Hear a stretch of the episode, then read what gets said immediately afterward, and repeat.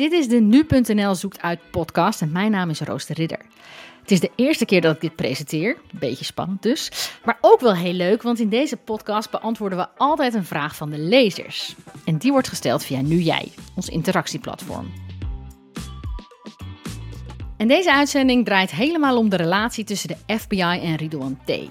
Want de NRC maakte bekend dat de FBI de Nederlandse autoriteiten al in december 2020 tipte dat T vanuit de streng beveiligde EBI en Vught communiceerde met de buitenwereld.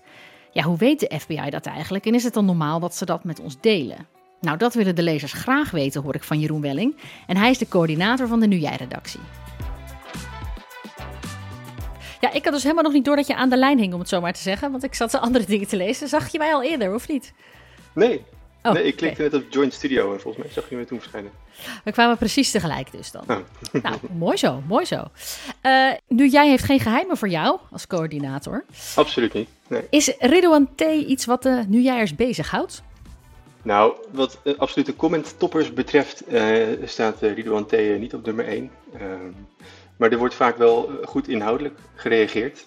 en dat vinden we heel fijn, want daar kunnen we wat mee. Ja, en ook nu, hè, de mensen willen graag een beetje weten wat de FBI er een beetje mee van doen heeft. Ja, zeker. Ja. Ja, het, klinkt natuurlijk een beetje als een James Bond film. Hè. De FBI belt de Nederlandse IVD en uh, zegt van, uh, yo jongens, jullie moeten even opletten, want het gaat niet helemaal goed daar in de EB. Um, ehm, dus ja, dat, dat sloeg inderdaad wel aan bij de mensen. Ja.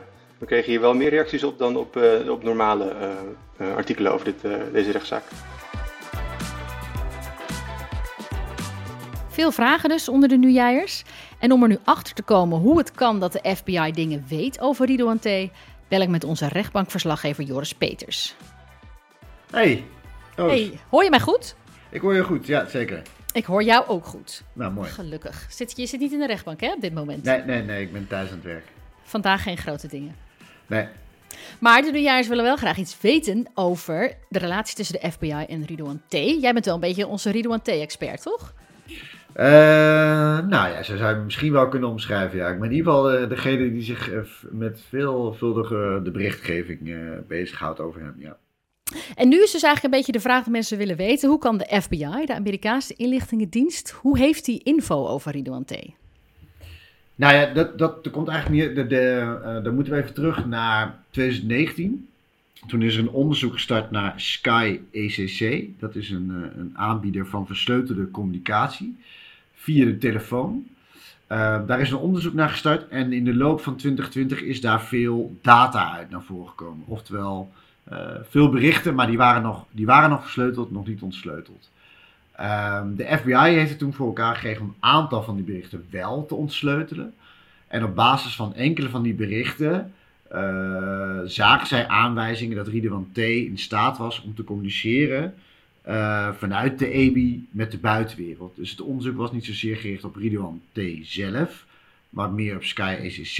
En daar is die informatie uit naar voren gekomen. Ja, dus als sommigen ook vragen van hè, hoe zijn ze er betrokken bij, dat is een beetje een groot woord, toch? In principe zijn zij dus ergens op gestuurd en dat hebben ze gedeeld en getipt. Ja, klopt. Dus niet dat zij nou nu zelf een zaak zijn gestart tegen, tegen Ridwan T. Nee. Zij zeggen eigenlijk tegen Nederland, joh, wij hebben, wij hebben informatie dat uh, doe ermee wat je wil. Weet je wel, zoek het uit, maar weet, wees er attent op en, en, en let goed op. Want dit is de informatie die wij hebben. En dan is het aan jullie om dat verder te concretiseren.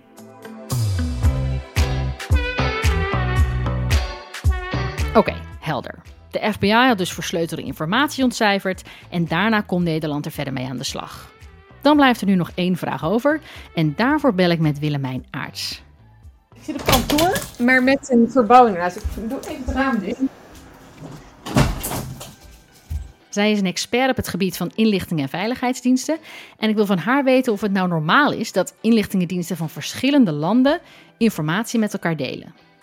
Ja, inlichting en veiligheidsdiensten, maar ook de politie, um, die doet dat, uh, doet dat geregeld. Hè. Ze hebben niet meer de, de mogelijkheid om alle informatie zelf te verzamelen. En je ziet Zeker bijvoorbeeld als het om georganiseerde criminaliteit gaat, maar ook om terrorisme. Dat gaat allemaal over grenzen. Dus ze moeten ook wel samenwerken om tot oplossingen te komen.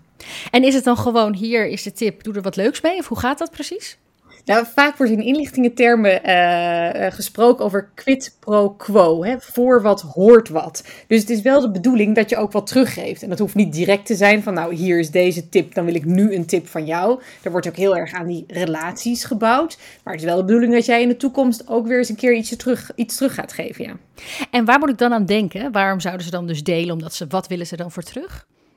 En nou, wie weet iets vergelijkbaars. Hè? Als, als Nederland een keer iets in het onderzoek tegenkomt wat voor de Amerikanen interessant kan, kan zijn, dat ze dat uh, delen. Er zijn uit het verleden ook wel voorbeelden bekend dat Nederland nog um, beschikking had over of goed um, radioverkeer kon, kon aftappen. Wat de Amerikanen al niet meer, uh, niet meer konden, omdat zij zich al veel verder op het internet hadden gericht.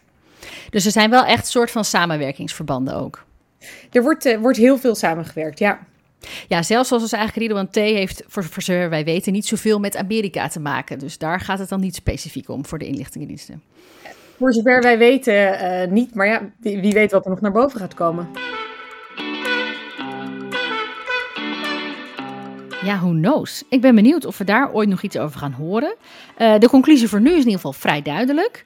De FBI, die dus best wel op wereldniveau opereert als het gaat om bijvoorbeeld drugscriminaliteit of georganiseerde misdaad, die heeft informatie ontcijferd wat relevant was voor Nederland. Ze hebben dat toen met ons gedeeld. En dat ze dat delen is vrij normaal en gebeurt best wel regelmatig.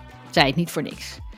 Nou, dit was in ieder geval voor nu. Dankjewel voor het luisteren. En als je deze aflevering nou leuk vond en je denkt ik wil jullie vaker horen, abonneer je dan even in je favoriete podcast app. En wie weet, tot een volgende keer.